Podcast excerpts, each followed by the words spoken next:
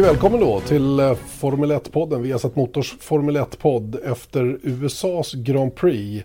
Eh, Janne Blomqvist, Erik Stenborg, Formel 1-podden som idag har ett ganska digert innehåll. Vi börjar ju självklart med att titta på racet senast som blev en eh, spännande historia och som fortfarande gör att VM lever även om det är knappt. Vi tittar också på Vettel och Ferrari. Hur går det egentligen? Tredje liknande misstaget på fem race nu. Eh, Max Verstappen och Daniel Ricciardo, ja de har ju definitivt annorlunda helger nu. Det har blivit omvänt förhållande mot hur det såg ut under början på säsongen. Kimi Räikkönen har det fortfarande, ingen tvekan om den saken. 113 race mellan sina segrar säger en del om att det har varit trögt för finländarna men nu lossnade det sannoliken senast. Och mindre bantid en missad fredag, är det ett vinnande koncept för att få bättre race i Formel 1? Och sen blir det diskussion om det här med fuel flow och hur mycket bränsle man använder. Två förare diskvalificerade i racet senast. Marcus Eriksson plockade poäng, en ganska typisk helg för hans del och vi går till botten lite grann med vad det, är som, vad det är som gör att det blir på det här viset. Och sen eh, avslutar vi såklart med silly season, bara tre platser kvar nu att fylla. Och vi pratar upp Mexikos Grand Prix som kommande helg ska köras i Mexico City. Eh, Erik Stenborg, eh, inlåst i garderoben hemma. Fucking finally, säger jag. ja, det tog lite tid att komma loss här. Jag var tvungen att åka till Walmart här och köpa ett eh, minneskort, bland annat. Så att eh, det har varit lite trixigt att få till det. Jag ber tusen gånger om ursäkt med det. Men det, jag såg att det var någon som kommenterade att det här kom efter att jag hade fått förlängt kontrakt med Viasat. Mm. Det är ju, nu börjar jag förstå liksom vad teamcheferna håller på med när de liksom väntar så länge. Varför, varför det handlar om motivation helt enkelt. Exakt, och jag vet eh, Ferrari fick ju kritik för att de gav Kimi Räikkönen beskedet i samband med Italiens Grand Prix. Och att det då skulle ha någonting att göra med att det har blivit som det har blivit här på slutet. Det tillbakavisar teamet. Jag tillbakavisar allt. Ja, men ja, man vet aldrig med dig faktiskt. Och nu Nej, sitter det... du där i ett hotellrum i Galveston och eh, mitt på dagen för din del och klockan halv tolv i ett förråd sittandes på ett sån här madrass som man har för att när man byter på blöjor på bebisar. Ah, perfekt. Det, det, det, det är mitt liv. Exakt, jag, jag har um, mexikanska golfen här som rullar in mot stranden. Vi trodde ju att det här med Galveston skulle vara en hit. Du vet, tänkte 25 grader, gå i shorts, lite pool lite häng sådär ett par dagar innan vi sticker ner till Mexiko. Det är typ 12 grader varmt och det har regnat något så fruktansvärt idag. Och är helt, helt bedrövligt väder. Och sen har det ju visat sig att säsongen här, den tog slut så här i första andra veckan i september. Det finns inte en människa här nere. Vi bor väl helt själva på det här typ 100 rum stora hotellet. Du, jag upprepar. Jag sitter på en bebismadrass i ett förråd klockan halv tolv på kvällen. Ja. Så, på grund av dig. Livet är rättvist. Livet är ja. rättvist. Vi har varit och tittat på rymdraketer idag för övrigt. Eh, gänget. Eh, jag, Björn och Mange. Vi har varit på, eh, på Johnson Space Center. Det var himla cool faktiskt. Mm. Kan jag tänka mig. Det är många, mm. jag har faktiskt hört att det var många som var på väg ner. Eller tar, många tar omvägen eh, Houston innan Mexiko för mm. att just gå på Ken eller Johnson Space Center. Kennedy Exakt. ligger någon annanstans. Ja, det ligger nere i Florida så får man, då får man åka väldigt långt om man ska dit. Nej, det var, det var riktigt bra faktiskt. Så var, vi har haft en sån här pojk, pojkdag. Mm, det är bra. Och Men, Magnus Andersson, vår fotograf, vill bli astronaut. Ja, ja, absolut. Han vill direkt flyga iväg nu. Det är ingen tvekan om den saken. Jag är mer tveksam efter att titta in i de här kapslarna. Det är inte jättemycket plats i de där. Nej. Jag tror inte det är astronautmaterial måste jag säga. Men lyssna här, jag hörde talas om, du vet med den teknik man har idag för att flyga så tar det nio månader att flyga till Mars. Det kommer ny sån här plasmamotorteknik vet du, med, med, med atomfusionmotorer. Det ska ta, vad sa de, nio dagar eller något sånt där istället. Eller nej, det skulle ta, det skulle ta, ja men det skulle ta i alla fall betydligt kortare tid att flyga till Mars. Eh, det skulle ta en och en halv timme med den tekniken att flyga till månen som det tog fyra dagar för med Apollo-raketen. Du, you lost me ett plasmamotor. Ja, ja, jag vet inte heller vad det är. Men det är tydligen något väldigt... Vet du varför man inte kan använda den ännu? Det är för att man, den får sån fart så man har ingen, inget sätt att bromsa den ännu. Det är det som gör att man inte använder den. Det är, bara en, att... det är bara att sätta en plasma, plasmamotor längst fram också. Å, åt andra hållet, ja men det sa jag också. Men det är tydligen inte så enkelt. För skulle man använda den idag då skulle man flyga förbi Mars. Och det är inte riktigt meningen. Nej, Ja, det beror på. Jag funderar på att skicka dig en plasmamotor förbi Mars. ja, det vore en bra idé. Du, eh, vi släpper rymdäventyret som vi har varit med om idag och tittar lite grann på, på racet senast. VM lever eh, mm. fortfarande, fem poäng eh, till godo. 70 poängs ledning för Lewis Hamilton då över Sebastian Vettel och eh, det innebär ju i princip att VM är klart. Men han fick inte på pappret så att säga sin VM-titel senast Lewis Hamilton. Nej, exakt. Och fem poäng sa du, men det är i något av de tre återstående racen som man behöver de här fem poängen. Det kan till och med en Sauber skrapa ihop med lite tur. Men det som är kanske ännu mer talande är att även om Hamilton beslutar sig för att typ designa en ny klädkollektion eller spela in en skiva istället för att tävla i Formel 1 så måste Vettel ändå vinna alla tre race och då vinner han ju såklart VM med fem poäng. Så det kommer bli ett VM-firande i Mexiko med andra ord om inget oförutsett händer. Mycket talar för det. Mycket talar för det. Och eh, anledningen till att det inte blev någon VM-titel nu senast känner jag var ändå att Mercedes och Lewis Hamilton blev lite för försiktiga. Var, de var oväntat försiktiga. Han hade ju trots allt pole position.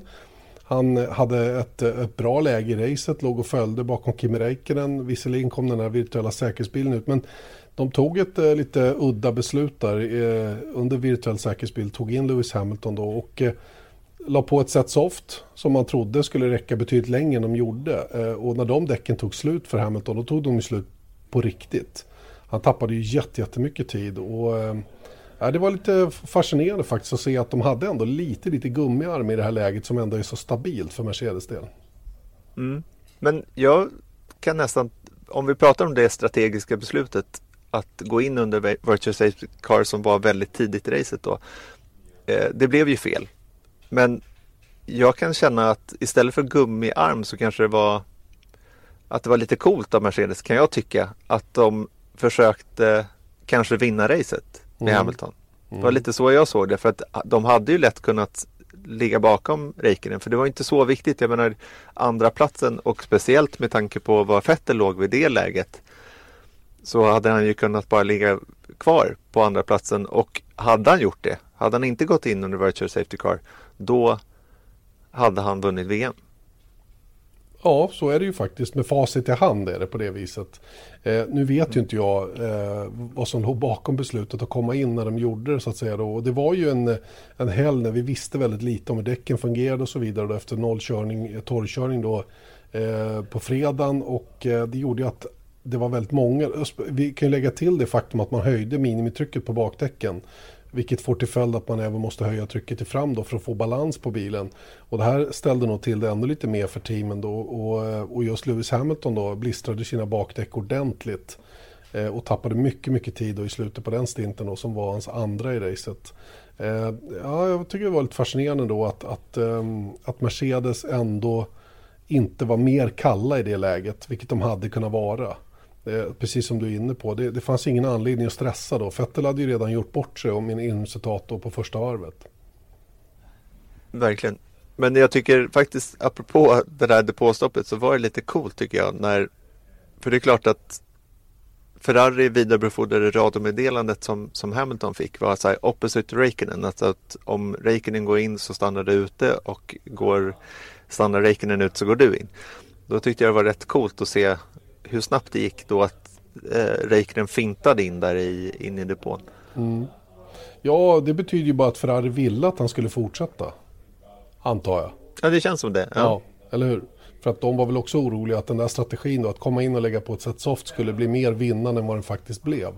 Så att, eh, ja, det var, det var, det var ett, ett, ett nyckelläge i det racet. Sen när Hamilton kom ut, där kom ju nästa grej tycker jag med Kim Räikkönens finfina race. Vi ska ju prata mer om honom sen, men just de här varven i slutet på första stinten på Ultrasoft var ju ruggigt bra ifrån Kimi när han faktiskt bromsade upp Hamilton mer än vad jag trodde var möjligt. Och det var ju den möjligheten, eller det var ju det han gjorde där som, som i slutändan la grunden till att han kunde vinna faktiskt, tycker jag.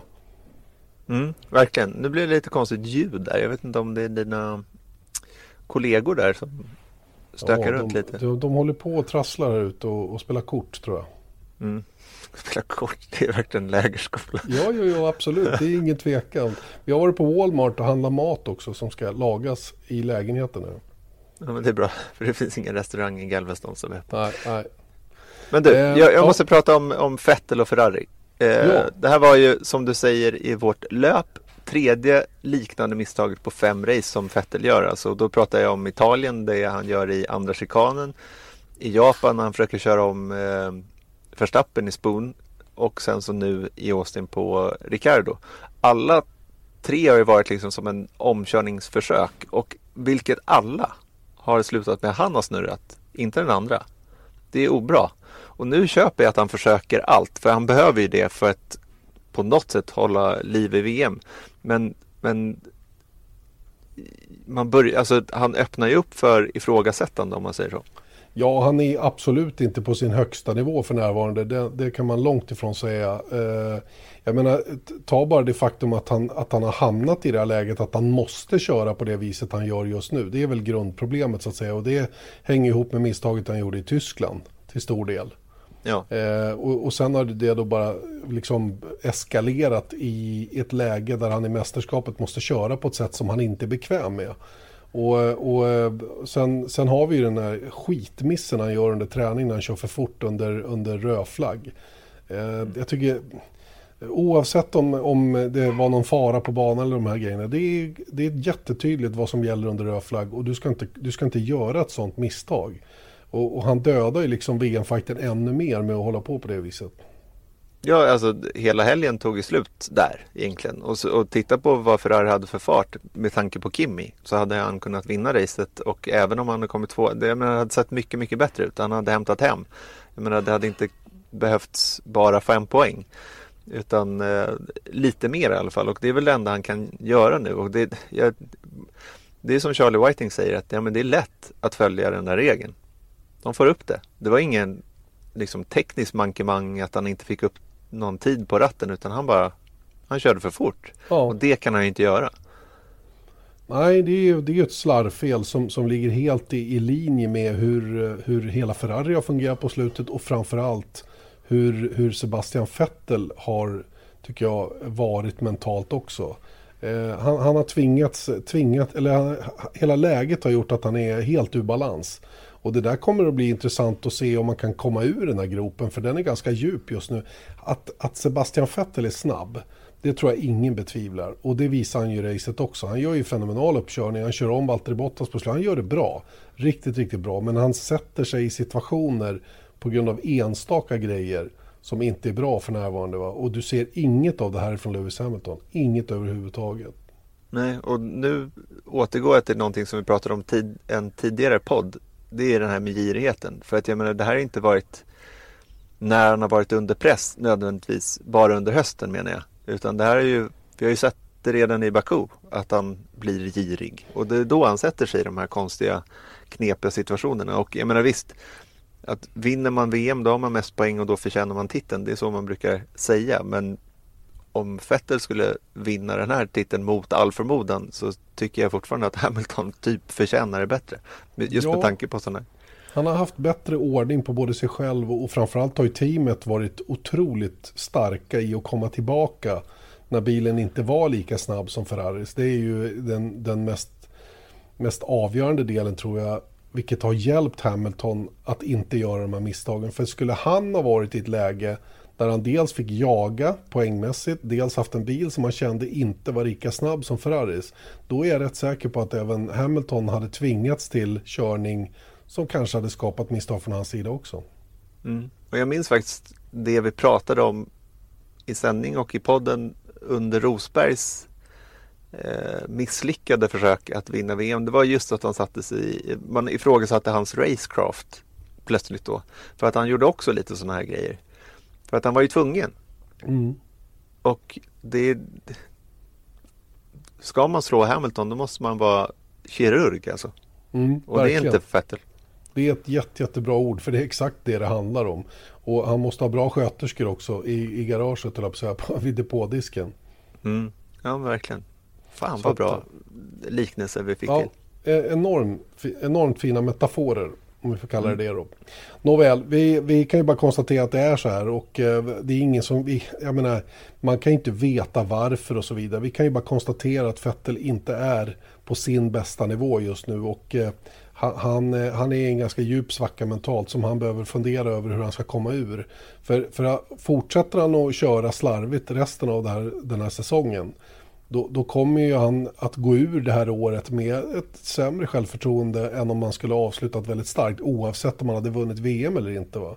Men mm. just nu så gör han massa klantiga grejer och det kommer en väldigt snabb förare till, till Ferrari nästa år som, som inte kommer att bli någon svår eller lätt nöt att knäcka för, för Sebastian Vettel och han är oroad över det här, det är jag helt övertygad om. Mm. Ja men det måste han ju vara. Det hoppas det för hans egna skull. Men mm. också att han då reser sig ur det för att den här fighten som vi såg tidigare i år, den var ju väldigt kul och det tycker jag Formel 1 behöver i dagsläget. Oh ja, oh ja, verkligen. Ingen tvekan om den saken. Um, Alright, det om Vettel. Eh, Red Bull-förarna. Eh, vi måste börja med Max Verstappen tycker jag. Han blev framröstad till Driver of the Day. Eh, mycket välförtjänt måste man väl ändå säga. Startade alltså från 18 rutan efter att bilen körts sönder i kvalet. Slutet på Q1 och eh, att teamet tvingades byta växellåda Eh, vilket flyttade ner dem ytterligare fem platser. Så 18 rutan alltså. Och han går alltså i mål på en andra plats. Det är ju, för det första är det ju också väldigt, väldigt mycket med anledning av att däcksituationen blev som den blev utan någon torrkörning på fredagen. Det är jag rätt övertygad om. Eh, han, han och teamet gjorde ett, eh, ett val att starta på den hårdaste gummiblandningen. Han sa själv, Max Verstappen, att det var inte ett speciellt bra däck. Men han utnyttjade den här hårda gummiblandningen i sin första stint på ett utmärkt sätt. Alltså, trots att han åkte på den långsammaste däcktypen körde han upp sig och var väldigt, väldigt snabbt med fram i täten. Och eh, i, med, i med saker och ting som hände i övrigt så, så hade han ju neutraliserat sitt dåliga läge i starten väldigt snabbt också och kunde sen vara med och slåss om den andra platsen. Och jag tycker hans andra stint på Supersoft var väldigt, väldigt bra eh, hårt, hårt pressad av en mycket, mycket snabbare Lewis Hamilton som när han väl kom, kom ifatt ändå inte lyckades gå förbi Verstappen. Det var väldigt, väldigt nära en gång, men, men det höll inte hela vägen runt. Va? Jag, jag är sjukt imponerad av Verstappen, så jag tyckte det var jättestarkt jobbat. Ja, lite motsats till Vettel på något sätt. Ja, verkligen alltså. Och, och, men det roliga är att Verstappen var ju där Vettel är idag i början på säsongen. Mm. Och, och, har lyckats komma tillbaka från det där. Typ som Romain Grosjean har gjort, även om han föll tillbaka i, ett, i gamla vanor så att säga. Då. Eh, just, just i USA så har ju Grosjeans andra halva på året varit också väldigt, väldigt stark efter en tung början. Eh, men då har vi den andra Red Bull-föraren, Daniel Ricciardo då, som har gått precis tvärtom. Men Ricciardo gör inga misstag. Han har ju bara sån, sånt omåttlig oflyt hela tiden va? och tekniken som sviker. Och det, det måste tära på honom också. Ja, det gjorde ju det. För att eh, Christian Horner berättade ju att han, ja, dels så såg man när han klättrade ur eh, bilen att han inte var speciellt nöjd med situationen. Men också sa ju då Christian Horner att han efter racet när han kom in till deras hospitality då att han hade gått in i sitt förarrum och sen så dragit handen genom väggen. Mm. Ja, i ja, frustration. Visst, och det är inte riktigt så man tänker sig Daniel Ricciardo som normalt sett är den gladaste av de glada i depån. Mm. Men, eh, men eh, ja, i, sen i intervjun efteråt så hade han ju samlat sig givetvis. Va? Men, men eh, visst, han, han, lika glad som man kan vara, lika förbannad kan han också bli såklart. Jo men det, han är ju racerförare så att, jag menar, det är klart att de är ju tjurpellar egentligen också. Sen kan man ju skärpa sig. Jag menar det är ingen idé att älta det så det är väl smart gjort av honom också. Men jag menar eh, han vill vinna lika mycket som någon annan på den griden tror jag. Självklart. Jag undrar bara hur det känns att eh, veta att han ska åka Renault även nästa säsong. Ja, ja men jag vet inte. Alltså, jag, I samma intervju så säger Christian Horner att det här är inte, han anklagar inte teamet, han, han vet vad det är. Jag tror att säkert att han kommer prata med Renault om det här och det sånt där. Men jag undrar ju också att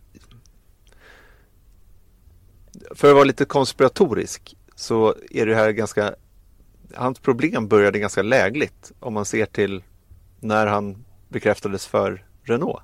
Mm.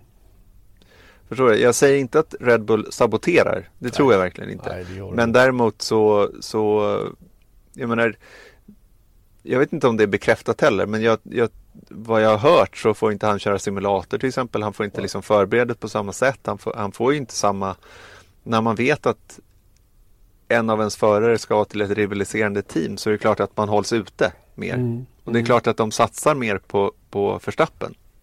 Sen så att det gör att en motor bara stängs av för andra gången nej, i år. Nej, nej. Det, det, det, är ju för långt såklart. Ja, Men jag menar, allting bidrar ju i den här marginalsporten som eh, Formel 1 ändå är, kan jag så tänka mig. Jag frågade faktiskt Ricardo rakt ut på presskonferensen på, i torsdags om just det här och han sa att nej, nej, men de stänger inte ut mig och självklart så får jag inte köra simulator längre för i simulatorn görs mycket 2019 jobb och där är inte jag tillåten att delta, sa han. Men i övrigt så har han teamet bakom sig hela tiden menar han fortfarande och eh, åtminstone offentligt så bränner han ju inga broar så att säga mot Red Bull utan, utan eh, menar på att han har fortfarande samma, samma för, förutsättningar i, i övrigt. Ja, ja vi, vi, vi, lämnar den punkten men jag tror ändå att det finns, det kan finnas något, någon uns av san, sanning i den i alla fall. Många gånger sker inte saker av en slump i Formel 1 i alla fall. Nej, Eh, det gör att vi då kan eh, gotta oss lite grann i det som var väldigt, väldigt kul tycker jag i söndags, nämligen att Kimi Räikkönen fick vinna igen efter 112 race. Eller gick 113 race mellan vinsterna, alltså den senaste var ju då i Australiens Grand Prix 2013 och den senaste efter det då kom ju i, i söndag som sagt. Och, och det är ju eh, det är kul helt enkelt. Han är en stor, stor profil. Han har en gigantisk fanbase i Sverige, det märks. Han rör alltid upp en massa känslor, Kimi Räikkönen, oavsett om det går bra eller dåligt. Många vill ju hävda att Ferrari har motarbetat honom länge. Han skulle kunna ha vunnit fler race än han har gjort, men eh, av olika skäl då har han aldrig riktigt fått chansen. Va? Eh, och det kan mycket väl vara sant ibland att han, att han kanske inte har varit nummer ett prioriterad i Ferrari hela tiden. Va? Men han har också, tycker jag, satt sig i den situationen genom att inte köra på den nivån så att han ska ha prioritet i teamet. Eh, och eh, det är väl en, en, kombo som gör att man, att man hamnar i det läget så att säga. Men, men i söndags så var det ju verkligen eh, ett smart beslut av teamet till att börja med att, att kvala på, eh, på, eh, på Ultrasoft i Q2. Eh, kändes ju direkt när han fick det här läget att han skulle ha bra möjligheter till det här. Sen var jag lite osäker på hur de här Ultrasoft skulle räcka då första stinten. Ja, eftersom man var ensam med att göra det så var man ju, alltså ni sa ju det i sändning och jag höll verkligen med när jag, när jag såg det. Liksom att eh, det här är inte automatiskt bra för honom. Att han, eh, för det brukar alltid vara så att man vill gå ett steg hårdare eller, och ett steg hållbarare däck helt enkelt om man kan i Q2. För att det brukar vara en bättre väg mot en enstoppare. Ja, och man får ju framförallt ett öppnare depåfönster. Man har ju då genom att åka på mellanblandningen eh, öppnat för båda alternativen på ett annat sätt. Startar man på den mjukaste blandningen då kanske man mera leds åt att gå till den hårdaste om man nu tänker sig att göra ett enda depåstopp för att varven på den mjukaste blandningen inte räcker till helt enkelt. Va? Nu var det ju så otroligt mycket frågetecken kring livslängden på däcken i söndag så att eh, det löste sig ju ändå så att säga. Va? Men, men Kimi gjorde ett fantastiskt bra och jag vill gärna komma tillbaka till slutet på hans första stint de varven när han lyckades hålla Hamilton bakom sig. För du vet, hade Hamilton gått förbi tidigt där, då hade han stuckit och fått sekunder som hade räckt. Då hade mm. han haft över 20 sekunder på Kimi när Kimi har varit inne. Eh, tid som inte Räikkönen hade kunnat köra igen och då hade Hamilton kunnat gått in, tagit stopp till kommit ut i ledning och sen eh, kontrollerat racet ifrån det. Så det var de varven tycker jag som var absolut mest avgörande för, för slutresultatet. Ja, ja men verkligen. Men det roliga med, jag vill bara, jag glömde bort en grej här runt perspektiven, just att vara 2013 i Australien då och det, om man ser på den resultatlistan så hade Hamilton vid den tiden då precis startat, eller han hade gjort en enda start för Mercedes. Och eh, Verstappen, som, och båda de här killarna var ju med honom uppe på podiet och Verstappen hade ju aldrig kört en racerbil vid det laget heller. Så det var, det var länge sedan. Ja. Över 2000 dagar. Ja, 2044 blev det va? Tror jag någon har räknat fram. Någonting sånt. Jag har ja. inte gjort det själv så att jag kan ja, inte ja. bekräfta eller dementera. Jag bara läser vad andra räknar, orkar räkna fram. Eh, statistik mm. brukar inte vara så, det är inte mitt starkaste ämne om man säger så. Eh, hur som helst så var det ett väldigt, väldigt bra race från Kimi Räikkönen och, och kul att se honom efter loppet också. Han var ju han, liksom, han lättade ju sitt hjärta för Martin Brundle där i intervjun efteråt. Va? Sen är, att inte han står och tokjublar. Men det gör ju inte Kimi Räikkönen, det kommer han aldrig göra. Va? Men det märktes att det var, han var lättad. Han, han sa det till och med på radion. Han sa verkligen fucking finally. Mm. Ja, och det säger väl ganska mycket. Och jag såg den här presskonferensen efter, efter loppet också. att eh, och han satt liksom, det var väl en halvtimme eller någonting sådär, så sitter han glatt och svarar på frågor. Och då var ju, han fick ju väldigt mycket kritik när, han, när det då kom fram att han hade signat för Sauber. Att han bara så här, ja, från journalister då. Många tyckte att han var rolig när han sa sådana saker. För att när han fick frågor så här, varför, har ju, varför väljer du att gå till Sauber, ett mycket sämre team, än, eh, snarare än att eh, eh, avsluta karriären hos Ferrari. Då säger han så här, men varför inte? Jag tycker det är kul så varför ska mm. ni komplicera saker? Nu sitter han och svarar på samma frågor igen och säger att men jag älskar det här och det passar bra med min familjesituation och det är nära Schweiz och det jag började där. Liksom allting det som journalisterna ville att han skulle säga när eh, När det blev klart. För, ja, mm. Det säger han nu och det är väl också liksom lite Jag vet inte, det är väl, jag tror hur icig en Iceman än är så finns det fortfarande ett, liksom, ett ok att bära någonstans och det släppte vi lite nu. Det kan man ju tänka sig att det gjorde och det finns ju chans kanske att han vinner fler race i år redan. Mm. Eh, om materialet är tillräckligt bra. Och det intressanta är ju att Ferrari gick ju bort ifrån var det tre, må tre, fyra månader av uppdateringar i mm. racet senast och hittade helt plötsligt tillbaka i gammal god form och hade återigen speeden på raken. Jag vet inte om de har liksom hängt på för mycket downforce på bilen eller vad det kan vara som har gjort det. Eller om det helt enkelt är så att man har varit tvungna att köra motorn lite snällare under en period för att vara säker på att den ska hålla hela vägen. Men nu när det är ett kritiskt läge så har man ändå liksom skruvat på igen eh, och eh, fått tillbaka den där farten som var så imponerande åtminstone fram till Italiens Grand Prix. Samtidigt så, så har de ju plockat bort grejer, alltså uppdateringar som då Ja, det, är det, det tog menar. väldigt lång, ja, jag men, det, så att... det, men det kanske var det att de gjorde bilen mer draggy med de uppdateringarna. Och, och mm. det gjorde istället för att den blev snabbare bilen så blev den långsammare.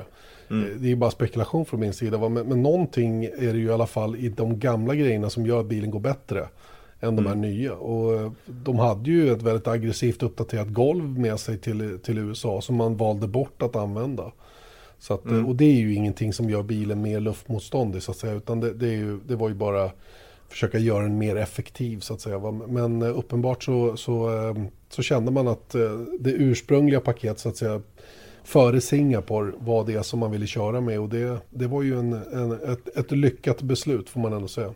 Mm. Jag tror att det där golvet hade också, vad jag förstod med vad de sa efteråt, varför de valde att inte köra var ju för att det regnade bort fredagen också. Mm. Mm. Eh, så då hade man inte liksom tid att testa det ordentligt antar jag. Att man Men, men eh, ja, jag vet inte, det, det, var ju liksom lite Kim Räikkönen ah, anno 2005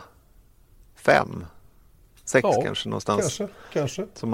Något åt det hållet i alla fall. Jag, jag, tror att även Kim Räikkönen var hjälpt av, av läget som uppstod den här helgen. Eh, återigen alltså med, med den här begränsade körningen. Det var, det var, inte, de, det var inte den gamla vanliga tågordningen så att säga va? Som, som vi har vant oss att se. Eh, och det, det, jag tycker han gjorde ett glimrande jobb att utnyttja den situationen som han fick fick tillgänglig och han utnyttjade och körde bilen precis så bra som den gick att köra och det räckte faktiskt för att vinna den här gången och det tycker jag är, det, det är, det är inget annat än hatten av för insatsen, verkligen. Mm. Och, och, det är bara att gratulera Sauber då som får en racevinnare igen då. Eh, det, det kommer ju dröja ett tag efter den här säsongen innan han kan vinna igen, det kan vi väl konstatera. Känns ju inte som att Sauber kommer att bygga en vinnarbil direkt. Och jag tror fortfarande det, att det kommer inte att bli någon lätt uppgift rent mentalt och motivationsmässigt att, att köra en bil så pass mycket längre ner i fältet. Eh, nästa år är det dessutom hans tur att köra mot en Ferrari Junior och, och Ferrari har inga problem med att supporta sina förare lite grann extra. Eh, mm. Och, det, och det, det, ska bli intressant att se hur han tacklar den där situationen. Det, det kommer inte att bli lätt för Kimi Räikkönen, det tror jag inte. Nej. De får se vad som händer. Men låt oss gå vidare då på det här, det som vi var snuddade vid och det är just det här att, att fredagen regnade bort. Vilket gjorde då att man fick ingen eh, torrkörning på slixen och därav mindre data. Eh, och därav när man kom in på FP3 då skulle man behöva förbereda sig inför kvalet och man hann inte göra några race-simuleringar och så vidare. Och eh, det gjorde ju att som vi har varit inne på flera gånger då att när racet väl startade så hade man ju väldigt lite koll på hur däcken skulle bete sig och det här är så enormt viktigt. Jag menar, vad ska man säga, vi höftar på tre timmar på fredagen. Hur mycket av det är ren däckstest? Ja, 75 procent. Någonting sånt. Mm. Och Utan nu hade man inte det. Nu hade man inte det. Nu hade man kanske 20 procent av det man normalt sett har. Eh, trots att man då simulerar det här och får information från Pirelli om hur det här ska funka och liksom analyserar asfalt och allting sånt där. Eh, så räckte det inte. Och eh, det ledde ju då till ett Jag tror att det var en starkt, eller alla tror ju att det var en mm. starkt bidragande faktor till att det blev ett så bra race i söndags. Visst, och det är lätt att dra den slutsatsen då att det är bättre att ta bort träning 1 och 2 för då får vi bättre race. Men jag får nog lov att säga att jag är inne lite grann på Toto Wolfs eh, tankegångar där också. Jag ställde ju den här frågan till att börja med till Ross Braun i vårt Formel 1-magasin i söndags. För eftersom jag råkade springa på honom i depån och jag tyckte det passade att höra vad han sa. Han sa att it's a fair argument menar han på att, att det, det, kan, det kan bidra till att, att teamen när de inte är lika väl förberedda kan eh, att, det kan, att det kan göra racen lite mer intressanta i det avseendet. Va? Men eh, det, det är ju så att om teamen vet att det inte är någon första och andra träning då kommer de naturligtvis att lägga krutet på att förbereda sig på andra sätt. Och det har vi fått förklarat för oss tidigare att det gör man ju ändå idag. Väldigt, mm. väldigt noggrant då med, med, simuleringar av olika slag för att komma med en bil som, som är perfekt inställd för racet, som bara behöver fininställas och så vidare. Och eh, jag tror att det är en mer komplicerad fråga än att bara säga att man ska ta bort FP1 och 2. Ja, för att det är det som Toto Wolf då säger att det skulle leda till mer simuleringar och då, det här är ingenting han själv säger men i, i sin tur kan ju det göra fältet än mer ojämnt. För att kan man, innan ett cost cap finns i Formel 1 så kan ju de stora teamen, de rika teamen kan ju bara lägga hur mycket pengar som helst på att komma så väl förberedda som möjligt och det kan till exempel inte Williams göra i dagsläget och då, då sticker de ännu mer. Eh, och dessutom så ska man ju ta i beaktning, vilket Ross Braun också sa till dig, i att eh, det, det, är mindre tracktime för tittare på tv och för folk på plats. Vilket eh, vore såklart ett avbräck för eh, både liksom banarrangörerna och eh, vi som gör tv av det. Mm.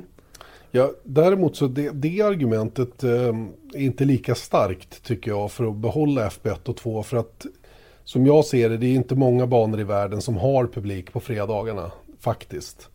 Eh, jag vet inte alls hur tittningen ser ut på tv för fredagssändningar men det är klart att en, en stor del av den, den djupt intresserade publiken skulle tycka det var tråkigt att missa FB1 och 2. Så är det ju. Eh, så, så det är klart att det... Det, det, det, det är en vanesak tror jag ja. för, för, alla som tittar oavsett om man är på plats eller inte.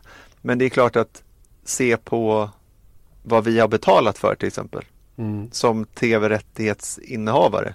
Då har vi betalat Say hello to a new era of mental health care. Cerebral is here to help you achieve your mental wellness goals with professional therapy and medication management support. 100% online. You'll experience the all new Cerebral Way, an innovative approach to mental wellness designed around you. You'll get a personalized treatment plan from a therapist, prescriber, or both in a safe and judgment free space. Your cerebral therapist or prescriber will outline a customized plan with clear milestones along the way so you can get to feeling your best. With Cerebral, you're not alone in your mental health journey. We're here to empower you to live a fulfilling life. So take that first step towards a brighter future and sign up today at cerebral.com slash podcast and use code ACasts to get 15% off your first month. Offer only valid on monthly plans. Other exclusions may apply. Offer ends July 31st, 2024. See site for details.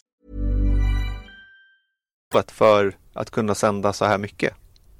Och helt plötsligt, jag menar det blir eh, Det kan bli liksom rättsliga problem om folk bara säger så här, ja men vad, vad får vi eh, det här då? Och, för, mm. och jag menar det är inte bara vi, jag menar det är folk som betalar för eh, eh, betalar teamen. Helt plötsligt, jag menar tittar man på tittarsiffror, nu blir det lite komplicerat där, men liksom även om såklart tittningen på fredagar är lägre på, än på lördagar och på söndagar framförallt så är det fortfarande ackumulerat alla eh, eyeballs som man säger på engelska.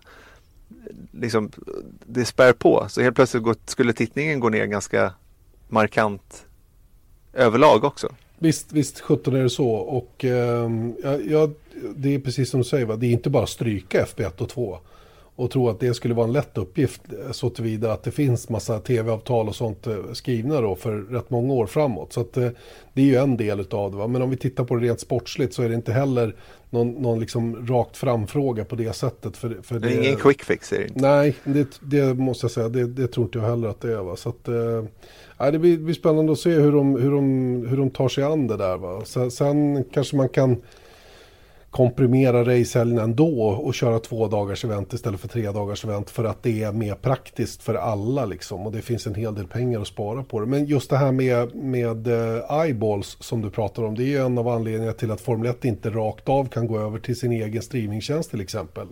Mm. Vilket många efterfrågar att kunna komma åt. För att um, skulle man göra det så skulle man förmodligen tjäna lika mycket pengar som man gör på tv-rättigheter idag. Men man skulle tappa tittning.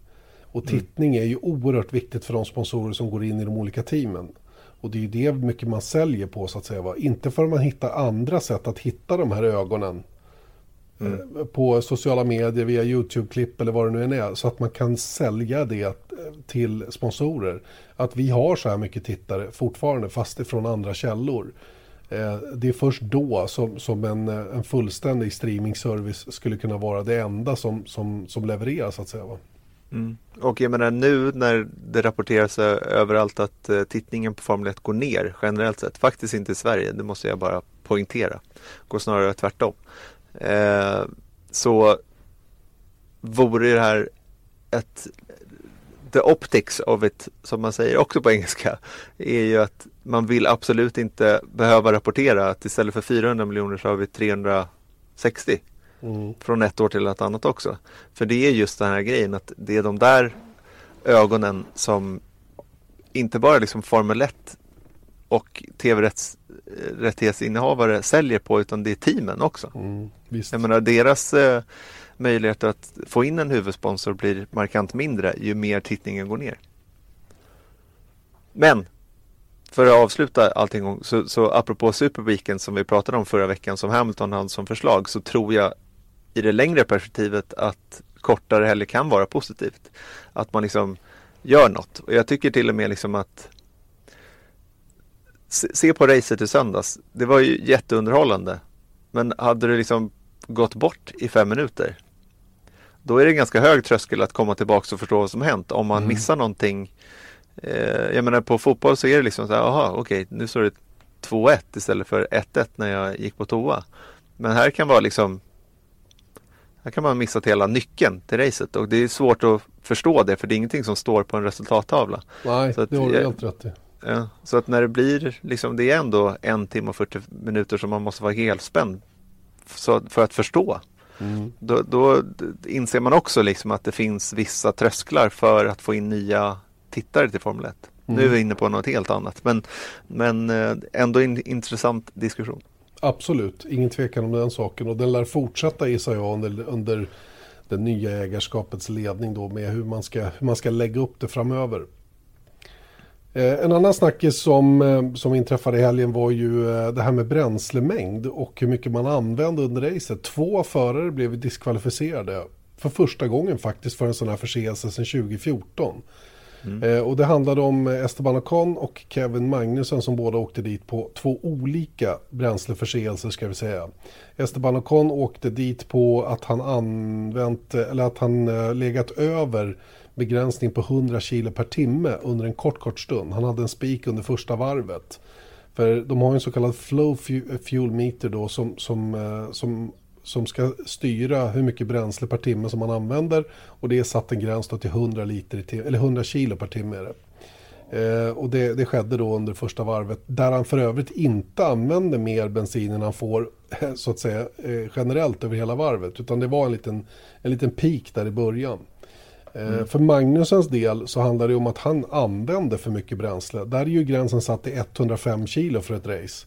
Och han använde enligt uppgift då 0,1 eh, kilo för mycket. Mm. Och eh, det här är ju ett som hekto. sagt... Ja, ett hekto. Det är alltså två olika varianter på att bryta mot de här reglerna. Och, och gör man det så, så, är man inte inom reglementet, eller bilen är helt enkelt inte inom reglementet och därmed blir man diskvalificerad. Mm. Det, det, är enkelt, så det är ingenting som går, som går att snacka bort. Och Ocon var ju irriterad såklart att behöva åka dit på en sån här sig. Ett dumt misstag sa han. Eh, vi, får, vi får ta på oss det, sa han om teamet då. Mm. Men eh. jag menar, båda de här var ju pyttesmå marginaler. Och ja. det var ju någonting som Magnusson också säger på Instagram att här, Formula Fuel Saving och sånt där. Och direkt går man och liksom pissar på sin egen produkt, vilket jag inte förstår riktigt. Men det är klart att han också var besviken. Men när han då liksom med utropstecken säger 10 gram för mycket. Mm, mm. Det är ju pyttesmå marginaler och teamen och förarna klagade på det här. Men reglerna är svartvita av en anledning. För vad skulle hända om man tummade på dem? Exakt. Ja men nästa. Liksom, hur mycket? Ja, hur det var ju bara, kolla vad kort eh, vi spikade. Det var bara precis in i första kurvan som mm.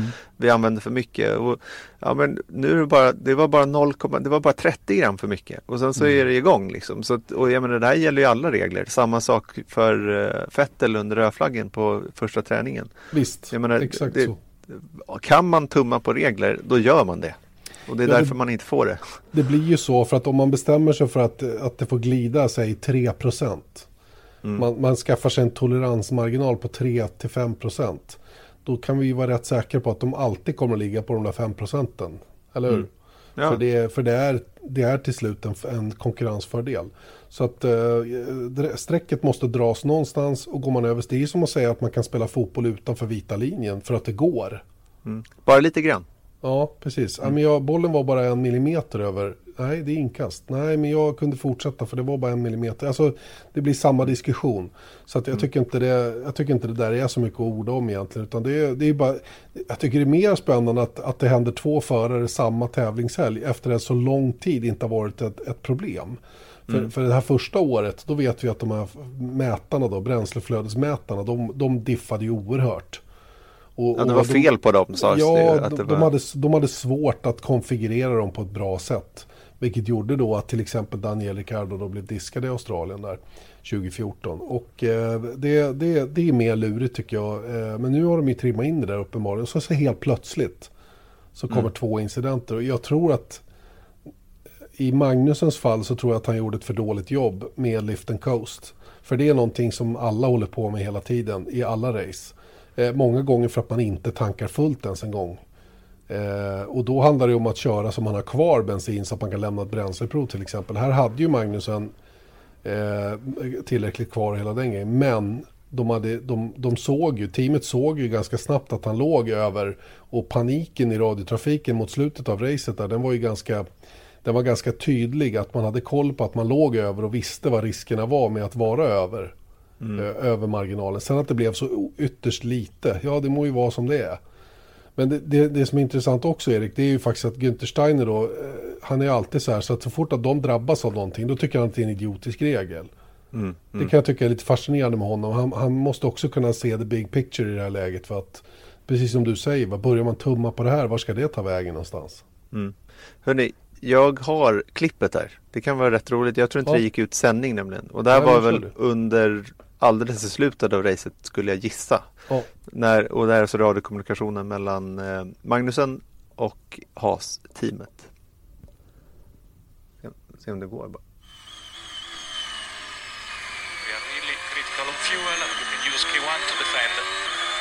Now save as much as you can, save as much as you can. Use K1 just on the straight.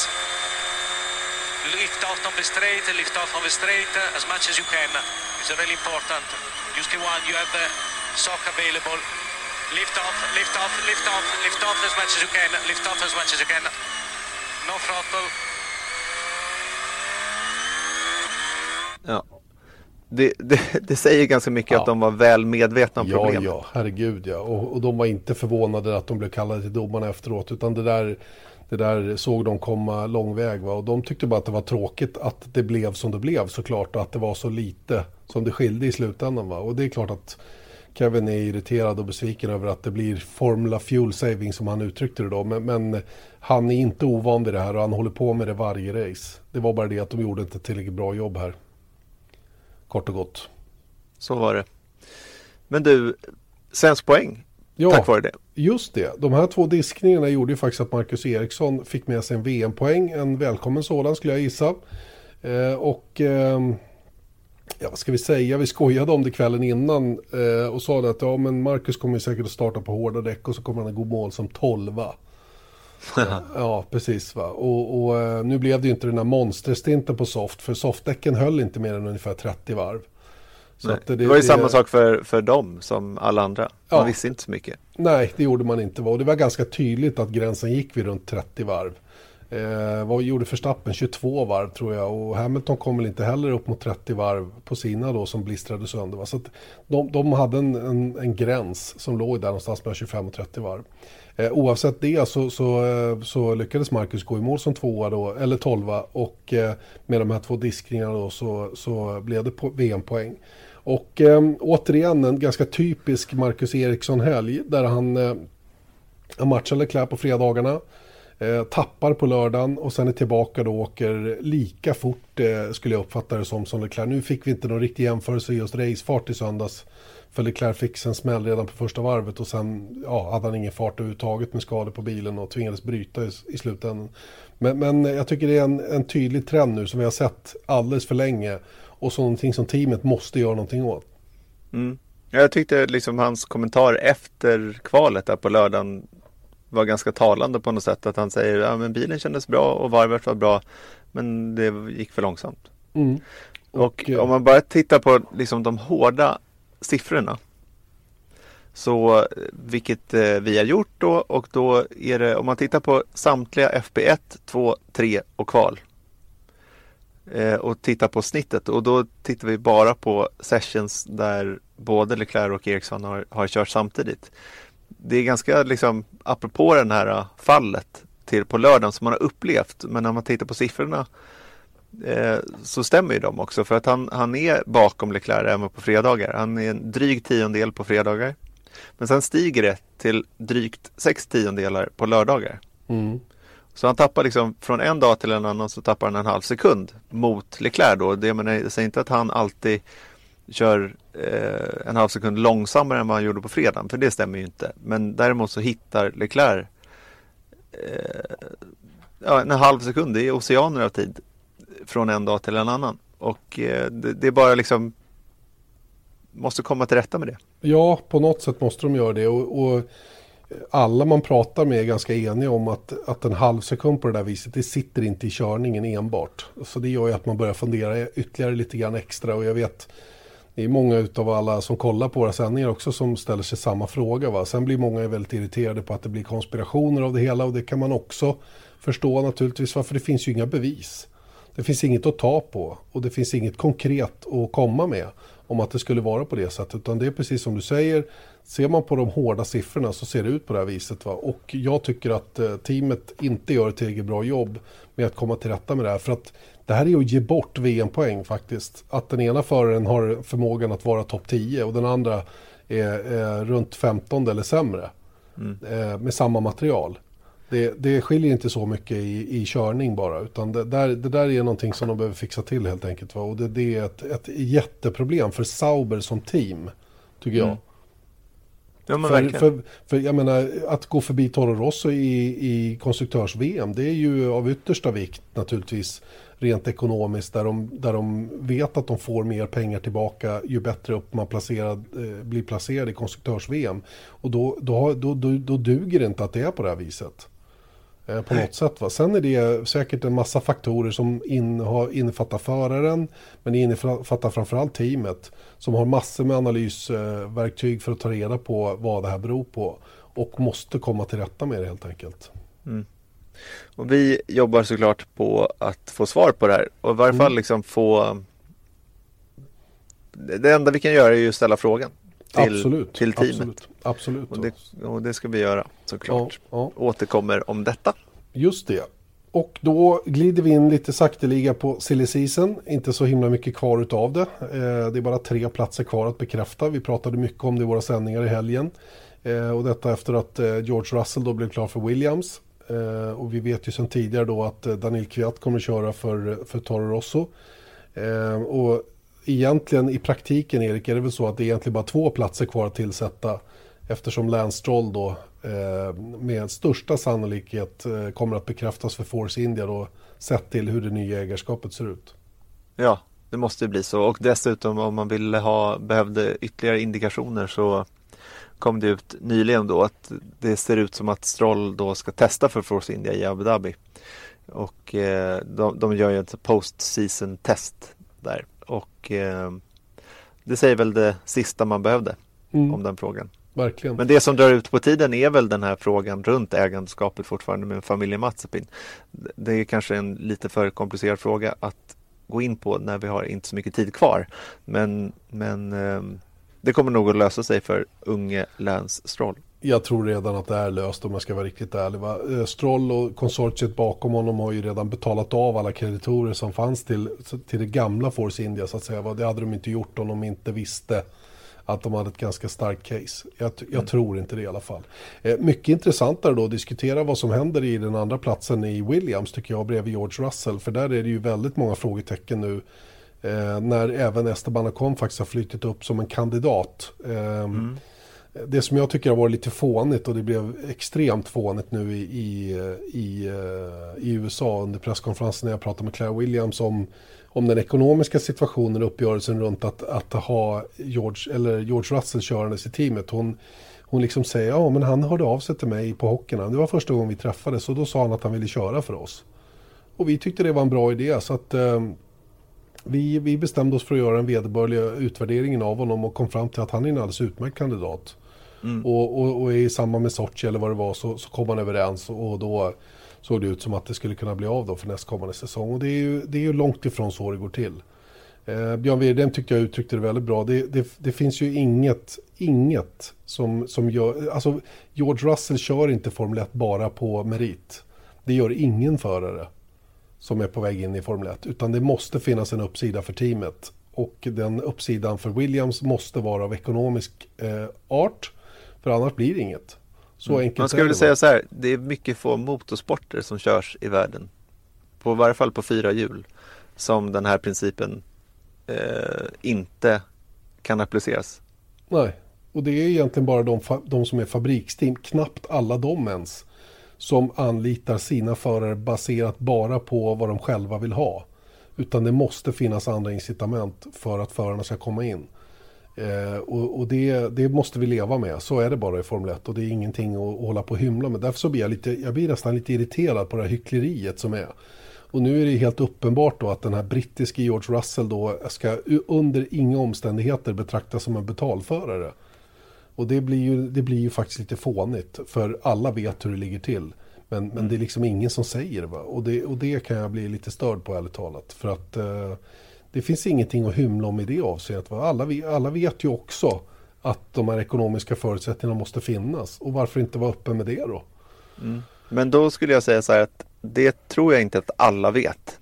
Förstår du? Jag argumenterar inte emot det här för att jag håller fullständigt med. Men jag tror inte att all, marginaltittaren vet inte Nej, att, okay. att, att, att, det fungerar så här. Ja. Och om det skulle vara fullkomligt öppna portar vad gäller de grejerna så skulle det inte heller se bra ut om vi pratar om optics igen. Mm. Och det, jag tror att det är därför man gör det. Men det blir också dumt för att man har ju nästan en skyldighet då som media att försöka rapportera om hur det egentligen ser ut. Ja. Och då, då, då och blir det liksom kontraproduktivt. Ja, faktiskt. Jag vet inte jag, är inte, jag är inte bekväm med den där situationen. För jag tycker det, det, det blir lite så här, man blir ljugen rätt upp i ansiktet va, när man ställer frågan. Och det känns inte bra tycker jag. Nej. Albon och Ja, vi ska ju se. Det är fortfarande Kubica, eh, apropå Williams fortfarande då, men eh, Kubica finns ju med där. Men Ocon känns ju som, jag menar, nu när Toto Wolf öppnade de här kända floodgatesen som man inte ville öppna eh, för att sätta sina förare i andra team så eh, nu har han gjort det med George Russell, då kan han väl skicka Ocon där också. Mm. Det vore en bra uppställning för Williams. Det vore det definitivt och framförallt vore det ett bra, bra sätt för, för Mercedes att se vad båda sina eh, juniorer gör mot varandra så att säga då. Eh, mm. Så det, det, finns ju en annan poäng med det då. Men, men där har väl Claire Williams ändå varit ganska tydlig med att det krävs finansiering, extern finansiering för att kunna lösa det. Och, och, eh, då är det ju bara frågan om det är Mercedes som kommer att vara orkestrera, orkestrera den finansieringen så att säga då, från, från sitt håll. Eh, men, då, men då måste de ju fram med cash. Och det är väl det som de, det är väl det här hårklyveriet blir så att säga. För att mm. Mercedes menar inte att de betalar för George Russell utan de, de, eh, de, de ser till att det blir möjligt på andra sätt då. Till exempel genom motoravtalet eller vad det nu är. Jag har en siffra på 70 miljoner euro. Så, som den här platsen George Russell får i Williams är värd för Williams då. Och det är förmodligen rabatt på motorerna. Mm. Mm. Och det tycker jag också är att betala. Jag ser det på det sättet i alla fall. Det är ju någon form av en transaktion. Eh, Eller en ut, utebliven transaktion i det här fallet då kanske. Ja, ja. ja, ja. Vi släpper det. det. Vi pratade om mycket det förra veckan också. Ja, och vi har pratat om det i all evighet tycker jag. Och det blir ju liksom, det blir ju ett tjatat ämne. Ja. Låt oss bara konstatera att det är så här det ligger till.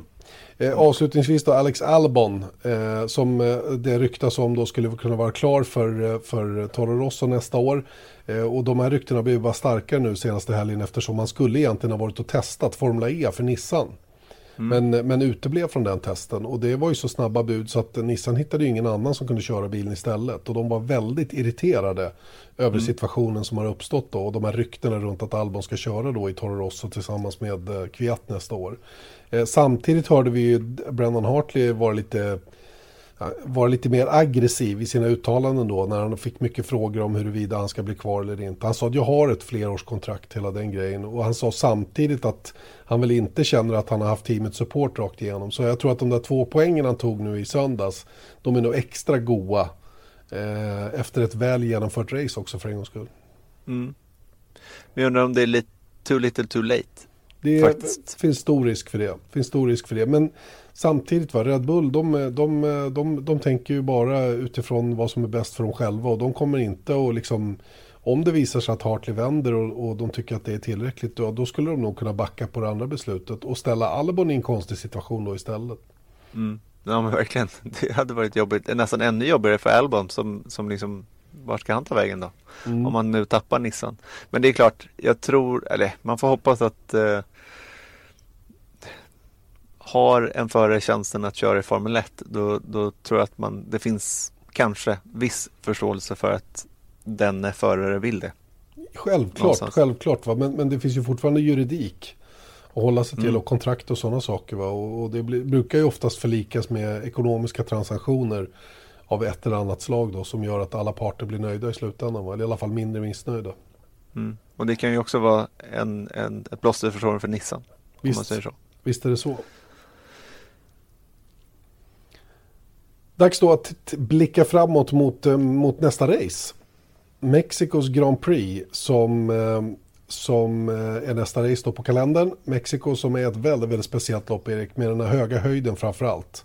Mm. Du har ju varit med oss där och vet hur stämningen och upplevelsen är. Vi fick också reda på i veckan att Race of Champions faktiskt ska köras inne på arenan där. Mm. Ni vet i baseballarenan, där kommer man att bygga en, en ändamålsenlig Race of Champions-bana. Det, det blir lite fränt att de är där uppe och kör. Mm. Och om de når upp till samma stämning som det är på F1, alltså det här var, jag var faktiskt, jag var där första året då, 2015 var det va? Ja, det var det nog ja. Mm. ja. Men då såg jag där på, liksom precis i egentligen bankanten när förarna på förarparaden, eh, då åker de runt i sådana här gamla bilar och så rullar liksom de första in och då är det liksom jubel. Man bara, coolt liksom. Det är inte så ofta man hör liksom superjubel. Alltså det här var baseballjubel eller vad man ska mm. säga. Mm. Eh, fotbollsjubel. Mm. Och, men sen så kommer eh, Sergio Perez in då och hoppar av bilen och har en sombrero på sig och slänger upp t-shirtar. Alltså det var Alltså jag har inte varit på många fotbollsmatcher men det var, var mer än en fotbollsmatch skulle jag mm. tippa. Mm. Och, eh, så att jag menar stämningen är god.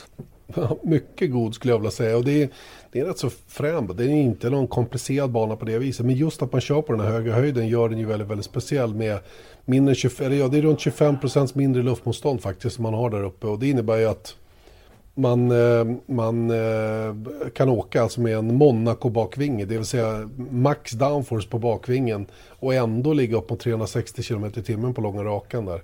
Det säger mm. en del om hur mycket eh, luftmotståndet minskar faktiskt. Ja, och speciellt då med de här bilarna som är snabbare och sen så har de mycket downforce. Så det går ju fortfarande inte lika fort som 2016 tror jag, för då tror jag att Valtteri Bottas uppe i 370 tre eller någonting så här Låt, på långa raken. Mm. Eh, så, så fort går det inte, men det går ju jävligt fort ändå. Jag menar 10 kilometer, det är ingenting du märker av med blotta ögat. Nej, inte på det viset. Va? Utan det, nej, det, det, går, det går sjukt fort. Och det här gör ju då att Pirelli har med sig de allra mjukaste däcken. Det är Hypersoft, Ultrasoft, Supersoft. Och första året vi var där då var det ju extremt lågt grepp som det alltid är på banor med alldeles ny asfalt. Och den hade inte legat många månader heller den där asfalten när de kom dit. Mm. Eh, nu, nu har ju banan åldrats, asfalten har åldrats och greppat upp mer och, och så vidare. Va? Men man väljer ändå att köra de tre mjukaste gummiblandningarna då, då eh, man bedömer att det är, det är precis det man behöver. Man behöver mekaniskt grepp helt enkelt och det får man ju då från, från de här tre, tre alternativen. Och eh, inte så mycket att säga om tror jag. Jag tror fortfarande att det blir ett, ett enstoppsrace om vi har normala förberedelser. Nu är det världens eh, tyfon eller vad det kallas på den här sidan. Eh, eh orkan på väg in över Mexiko. Eh, från, från andra hållet så att säga, från Stilla havet. Och eh, jag vet inte hur mycket det kommer att påverka. Jag vet ju hur vädret påverkas där vi är just nu med en hel del regn och blåst. Så att, eh, eh det, det, kan säkert bli lite ostadigt om inte annat. Mm. Och jag vet inte, har vi sett så mycket regn där? Kan inte ja, svara på. Det var... ja, vi har haft regn någon gång i alla fall, någon träning och så vidare. Va? Det, det var väl samma sak då. Eh, det var väl efter det här eh, när allting regnade bort i, i Austin. Så hängde, mm. den, eh, så hängde det vädret kvar lite grann i Mexiko. Och, eh, påverkade en del i alla fall. Det vart inte alls något extremt väder. Va? Men det är inte alltid det är så sommar och fint om man säger så. Då. Nej. Men det ska bli intressant att se då hur Hypersoft funkar. För det har inte varit ett så perfekt däck. Eller i varje fall inte hur teamen har använt Hypersoft. Har inte gjort att det blivit så eh, det som man hade önskat. Men just med det här låga greppet och låga downforcen så kanske Hypersoft kan vara någonting för en gångs skull. Ja, varför inte? Problemet som har varit tycker jag hela tiden det är ju det här att man jagar en enstoppare hela tiden för det är det snabbaste mm. sättet och det, det påverkar givetvis hur man kör bilarna. Mm. Eh, det måste påverka hur man kör bilarna för att om du ska få en sån strategi att funka eh, så, så, ehm, så, och, och, du startar på Hypersoft till exempel. Va? Vi kommer garanterat att se försök att köra på Ultrasoft i starten istället för Hypersoft. Precis som vi såg toppteamen göra i, i, i söndags där de gick för Supersoft istället för Ultrasoft. Och, och jag menar, det är också sådana grejer som påverkar och det får ju då en, en, en, en för, det är en försvårande omständighet då för de som inte är toppteam så att säga och kommer till Q3. De blir ju hårt drabbade av det här och det är svårt att försvara positionen som topp 10-bil och därmed hamna på poäng med mm. de nuvarande däckreglerna. Där är det ju bara toppteamen som har marginal. Just för mm. att bil 7 till och med 10 inte kan hota. Inte ens om de åker på den allra mjukaste gummiblandningen. Och då blir det ju liksom ganska enkelt för Ferrari, eh, Mercedes och Red Bull att, att, att, att gå för en, en lite mer konservativ taktik då så att säga. Vilket var ju det vi såg i Ryssland va? När folk inte ens kvalade. De mittfältsteamen som gick till Q3 körde inte ens ut. Nej, precis. Va? Och det, det, det var väl Renault framförallt som, som valde att, att eh, ja, det, det, var ingen mening för dem att gå till Q3. Det var bättre att stanna kvar i garaget under Q2 och inte gå till Q3 när man ändå visste att man skulle vara 11 och 12.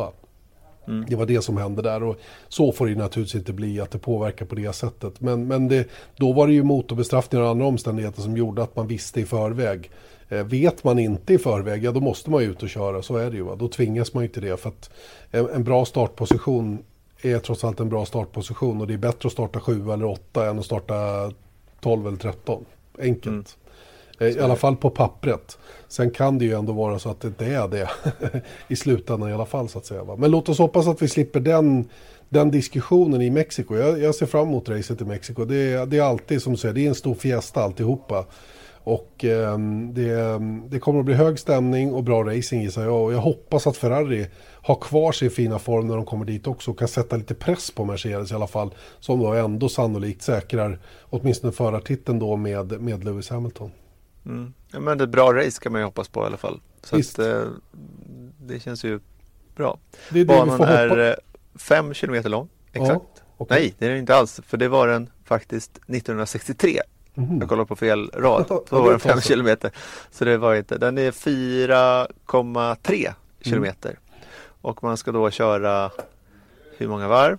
Man ska köra 70 brukar det bli då. 70, 71, 71 eller någonting. 71, 71, ja. mm. 71 stycken och racet börjar 10 över 1. 10 över 1. Lokal tid. Är det 6 timmar i Mexiko eller är det 7? Det är 6 timmar. 6 timmar. Så det blir bra. Och alla tider finns på eh, facebook.com F1-podden där vi, ni även kan skicka lyssnarfrågor och sånt. För det kommer nästa vecka. Till exempel. Och den har vi inte Så... valt ut än. Nej, det har vi inte gjort. Och jag gör ju alltid mitt bästa att hitta någon bra som kan svara på de frågorna. Eh, mm. det finns en, en, liten fin video på vår Facebook också om varför det inte blev någon podd tidigare den här gången. Mm. För att jag Precis. helt enkelt goofade nu med ny, nysignerat kontrakt. Mm. Och jag har träsmak på min bebismadrass nu så nu måste vi snart sluta. Ja, jag Men, och du ska det, gå och lägga dig framförallt. Och jag ska ja. gå ut till grabbarna och spela kort. Det är bra. Det är bra. Men det är mycket roliga reportage också. Vi ska träffa Charles Leclerc på torsdag. Vi har lite tittarfrågor eh, som vi ska plocka in från er. Så att gå in på ja, Viasat Motors Instagram till exempel. Att Viasat Motor. Sen så kommer vi göra ett roligt reportage om eh, hur man flyttar runt den här F1-cirkusen med hjälp av DOL. Mm. Med lite statistik där. Vilket ju mer man då tittar inför det här reportaget är det helt jävla bisarrt att det går. För mm. det är ganska mycket prylar som ska flyttas runt. Det är faktiskt brist på sådana såna fraktflygplan i världen. Mm. Som de behöver. Det är rätt fascinerande. Och de har sju stycken jumbojet som, som, som, som, som, de behöver varje helg. Mm. Men det är inte, det är inte säkert att de är lediga varje helg. Så att man jagar, jag fick en siffra av en som sa att 67 stycken maskiner behövs under ett helt år totalt. Mm. Rätt imponerande. Mm. Sju per race då ser man på. Så det är bra. Underbart. Så ko kolla på det, följ sändningarna och eh, på vår Facebook-sida, Viasat Motors Facebook-sida finns alla tider och på Instagram såklart. Just det, då säger vi tack och påtrörande Erik och sov så gott nu. Detsamma. Tack. Kör ni ventil eller? Ja, ventil. Mm, det är perfekt. ha det gott. Hej. Hej.